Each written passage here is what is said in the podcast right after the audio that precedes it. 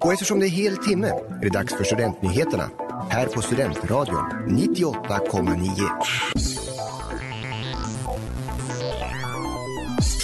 Kamerabevakning vid resecentrum. Minskande smittspridning. Regionen stämmer Försvarsmakten och Nationskörsfestivalen. Det här är veckans nyheter.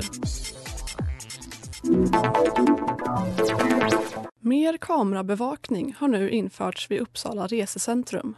Kamerorna ska bevaka cykelparkeringshuset och Olof Palmes plats dygnet runt. Anläggningarna ska öka tryggheten kring resecentrum och är en del av andra åtgärder som genomförts såsom bättre städning och ordningsvakter. Anders Fridborg, säkerhetschef i Uppsala kommun, säger på kommunens hemsida att kamerabevakning har varit en efterfrågad åtgärd.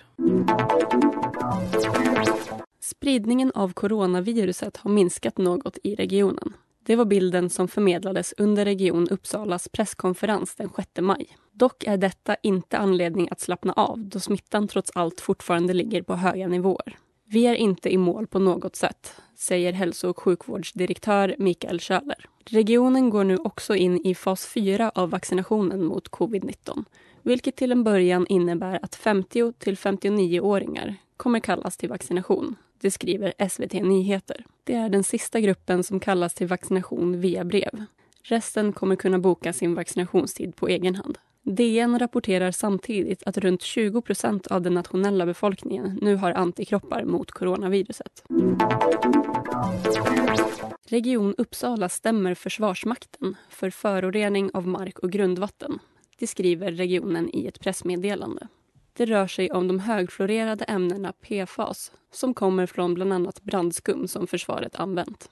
PFAS står för per och polyfluorerade alkylsubstanser och är ett samlingsnamn för över 4 700 ämnen som ej förekommer naturligt utan alla skapas av människor och används som till exempel vatten och smutsavstötande ytbehandling. Naturskyddsföreningen kallar PFAS för ett av vår tids värsta miljögifter. Stämningen från regionen ligger på 29,7 miljoner kronor.